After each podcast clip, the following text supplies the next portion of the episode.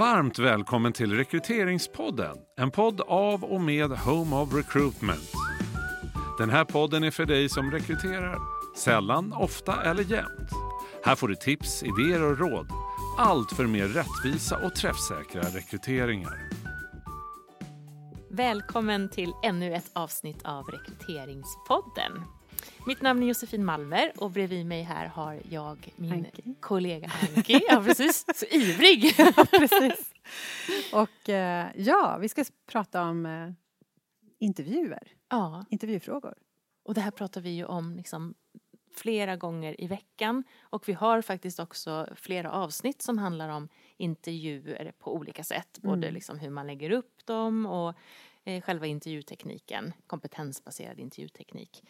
Eh, framförallt så är det ett avsnitt, eh, avsnitt fem, vilket ju är jättelänge sedan. Det är, ju typ tre år sedan. Ja, det är tre år Ja. sedan. Där vi pratar just om de här SBR-frågorna.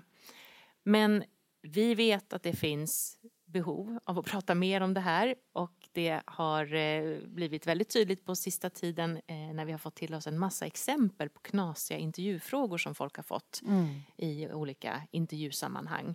Så att eh, vi känner att nej, vi kör ett avsnitt till helt enkelt. Mm. Det behövs. Det behövs Ja. verkligen. Det var ju så att för någon vecka sedan så la jag ut ett inlägg på LinkedIn där jag frågade vad har du fått för knasiga intervjufrågor?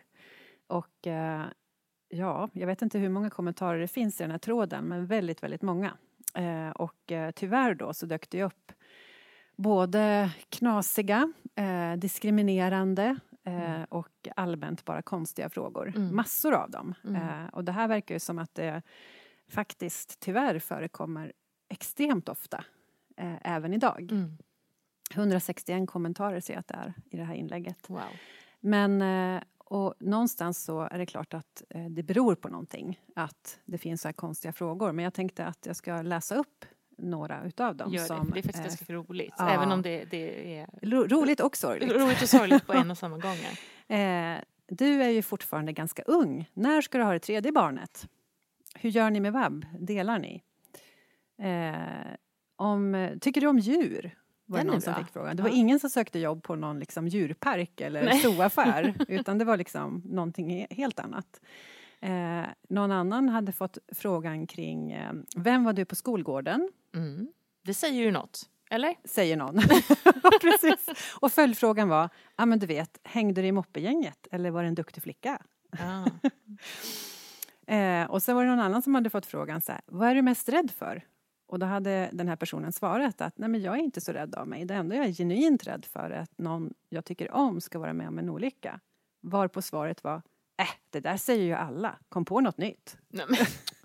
Så att, ja, det, det, alltså, det finns jättemärkliga frågor. Och eh, vad gör din partner? ja, vad jobbar din man med? Ja, Vad, vad röstar dina föräldrar på för parti? vilket stjärntecken har du? Ja. Alltså, alla de här Eller som- den här jättekonstiga, har du någon protes? Ja, vad var det för någonting? Vad var det för fråga? Ja, den har någon fått i alla fall. Väldigt märkligt. Och en fråga som jag tycker också är lite signifikant för en del av de här frågorna. Mm. Det var en person som hade fått eh, en fråga kring eh, vilken sport som hon utövade under sin uppväxt. Mm. Och så hade hon sagt då att nej, jag utövade, utövade ingen sport. Och eh, då så hade hon fått kommentaren att man kan ju inte vara en bra säljare om man inte har utövat sport. Nej. Eh, nej. och eh, den var på den här kandidaten sa att ja, fast jag har alltid vunnit säljtävlingar och sådär. Mm. Så att någonstans så finns det ju någon slags tro på att, nå- att saker och ting hänger ihop. Det är Mm. den här halo-effekten då till Mm. exempel. Att eh, ja, men har du varit duktig på sport och kanske helst nästan elitsatsat och så vidare. Ja, men då blir du minst en bra säljare också. Mm. Eh, till exempel. Och man försöker hitta genvägar på något sätt att eh, få fram den information man behöver. Eh, och vi får ju ofta höra det här att ja men det säger ju ändå någonting om en Mm. person. Till Mm. exempel det här, vad ligger det för bok på ditt nattduksbord just nu? Den, ja. Det Mm. säger väl ändå någonting om Ja. en person? Åh, jag hoppas aldrig jag ska få den frågan. Nej. Och, ja, Mm. Nej men så är det. Dels det här att det säger någonting. eh, Men, men sen upplever jag också ibland att man ställer frågor bara för att se reaktionen. För man Mm. tycker att reaktionen säger någonting också. Mm. vad väger ett jumbojet? Ja. Den, vet, den hade jag en beställare som Mm. hade som sin favoritintervjufråga. Ja. Och vem, vad svarar man på den? Nej men jag vet inte, det var liksom själva reaktionen liksom. Den kommer så abrupt, eh, helt liksom tagen från luft, alltså det finns ingen koppling överhuvudtaget såklart till, det var inte en eh, flyg, eh, var inte något, något flygrelaterat överhuvudtaget Mm. utan bara så här, hur reagerar kandidaten när det här kommer upp som en fråga mitt Mm. upp i allt. Mm. Så knasigt, så himla konstigt.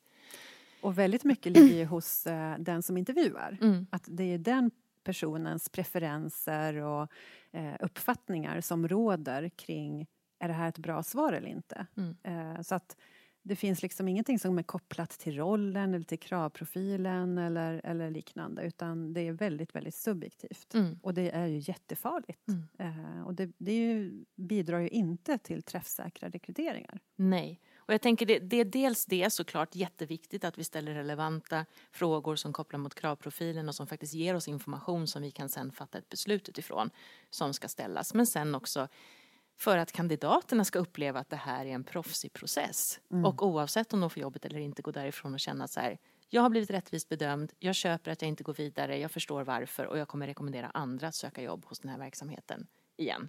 Och jag kommer själv söka jobb där igen, för det här var ändå en bra upplevelse.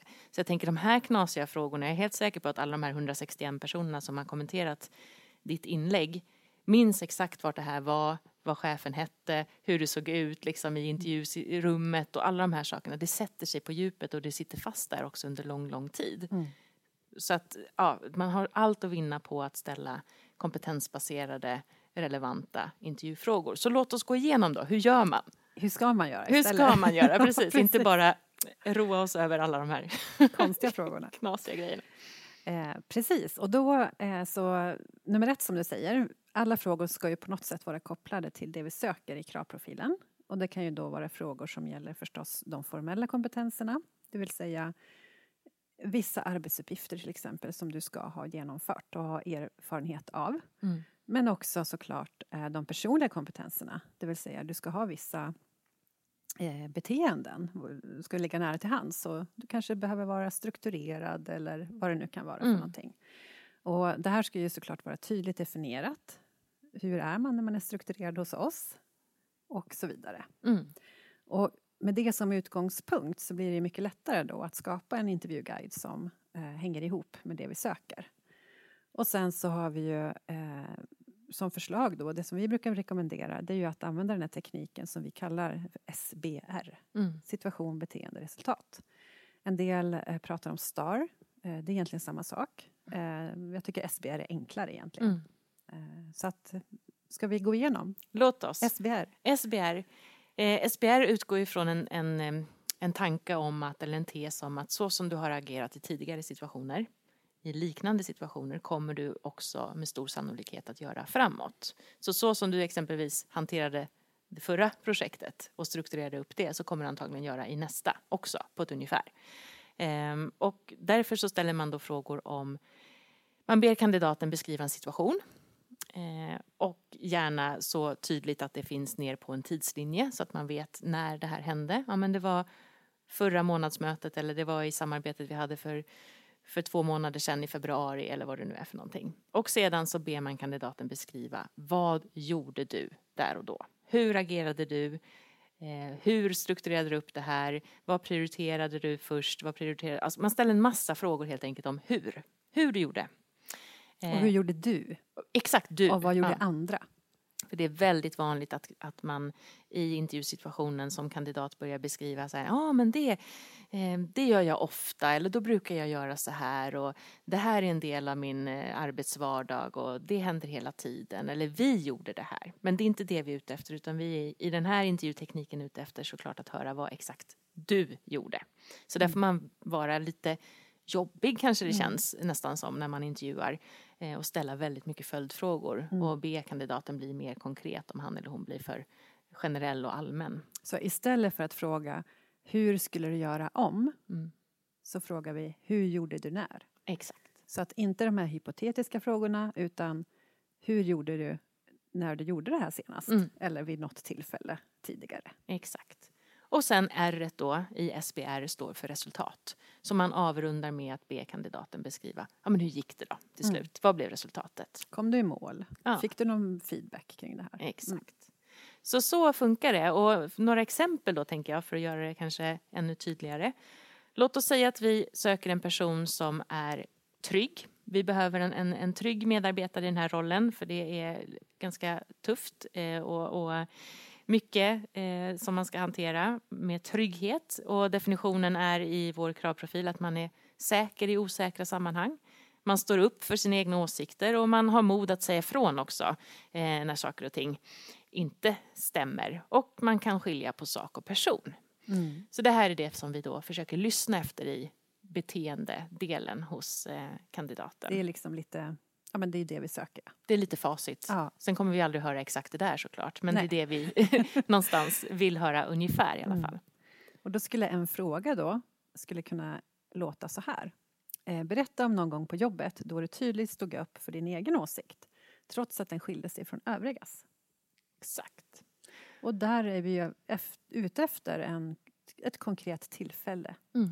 Så om kandidaten då börjar säga att jo men, eh, ja, men då brukar jag göra så här. Mm. Eh, så. Då är det inte det svaret vi vill ha utan vi vill få att ja, men kan du berätta om något tillfälle när det inträffade, någon konkret situation? Mm. Så får vi väl som sagt vara lite tjatiga. Och där behöver vi ju ställa följdfrågor såklart utifrån vad som sägs. Ja. Så att det viktigaste i den här typen av intervju, och i alla intervjuer såklart, men väldigt tydligt i den här typen av intervju är att man lyssnar aktivt. Så att man förstår vilken följdfråga behöver jag ställa härnäst för att verkligen förstå hur kandidaten gjorde. Så där skulle det kunna vara då, ja, men på vilket sätt skilde sig din syn på saken från övrigas och hur framförde du din åsikt? Hur reagerade de andra då? Vad var du tvungen att ta hänsyn till? På vilket sätt gjorde du det? Och hur gick det till Mm. slut? resultatet. Ja, Mm. precis. Och här så eh, har ju du tagit ett exempel för många år sedan som jag brukar använda mig av för jag tycker att det är så bra och det är att ja men hur många, hur många följdfrågor ska man ställa har jag Mm. fått någon gång Mm. en fråga kring och det, det finns ju inget svar på det såklart. Men eh, det brukar jag säga eh, att ja men tänk att du ska kunna se den här situationen, det här agerandet från kandidaten framför dig som på en film. Då har du ställt tillräckligt många frågor. Mm. Blir det otydligt, blir det oklart, eh, är du osäker, då behöver du fortsätta ställa följdfrågor. Eh, och det sa du vid något tillfälle, så det har jag Ja. hoppat efter. Det är Eh, i och för sig väldigt eh, svårt tänker jag. Man liksom Ja. blundar och försöker se hur det här utspelade sig. Mm. Men det innebär såklart att man allt som oftast behöver ställa en eller två eller kanske till tre extra följdfrågor än vad som normalt sett kanske känns bekvämt. Ja. Så, och tanken med den liknelsen det är ju att man ska eh, få en tydlig bild helt enkelt Mm. av eh, hur personen agerade. Därför att vi tenderar ju annars att tolka Mm. eh, och att liksom lägga till en massa saker själv utifrån våra egna erfarenheter. Mm. Så att, eh, att försöka vara blank, försöka liksom förstå och, och tänka hur gjorde den här kandidaten nu och ställa så många följdfrågor som man behöver då för att, för att verkligen liksom se det här framför sig Mm. i princip. Och jag vill också säga det att kandidaterna upplever ju inte att man är jobbig Nej. när man intervjuar på det här sättet utan de upplever att man är genuint intresserad och nyfiken. Så att det är viktigt att, att tänka på, tycker jag själv i alla fall, när jag sitter där och är lite extra Envis. frågvis och envis och, och liksom eh, en gång till, kan du berätta, jag förstod inte riktigt, var det verkligen så här? Och så så att, eh, tänk på det, att kandidaterna tycker att det här är väldigt positivt. Ja. Att man är så genuint intresserad av hur, hur det faktiskt eh, gick till. Precis, och att eh, man också... Eh, alltså börjar man väl ställa den här typen av frågor så märker man ju väldigt snabbt att den informationen man får är ju väldigt värdefull Mm. för att kunna göra en bedömning. Det, man eh, tillåter inte kandidaterna att liksom flyta ovanpå. Eh, ställer man frågor som till exempel Ja, men hur tänker du kring ledarskap? Eller vad är bra service för dig? och sådär. Det är ju frå- typiska intervjufrågor där, där de här kandidaterna som faktiskt är duktiga på att prata eh, kommer vä- fram väldigt väl. För att de kan få saker och ting att låta jättebra på sådana generella frågor. Men du kommer aldrig ner på, liksom, på djupet där och du förstår inte riktigt hur den här kandidaten faktiskt agerar i verkligheten. Nej. Det kan ju låta jättebra men vad som händer i verkligheten kan ju vara någonting annat. Och just det du säger nu är ju anledningen till att det här är en mer träffsäker intervjuteknik också. Här är det inte de här verbalt skickliga, snabbtänkta och som också känner sig bekväma i den här märkliga intervjusituationen. Det är en väldigt konstig situation egentligen. Man sitter där och liksom blir utfrågad och maktbalansen är helt eh, skev. Så.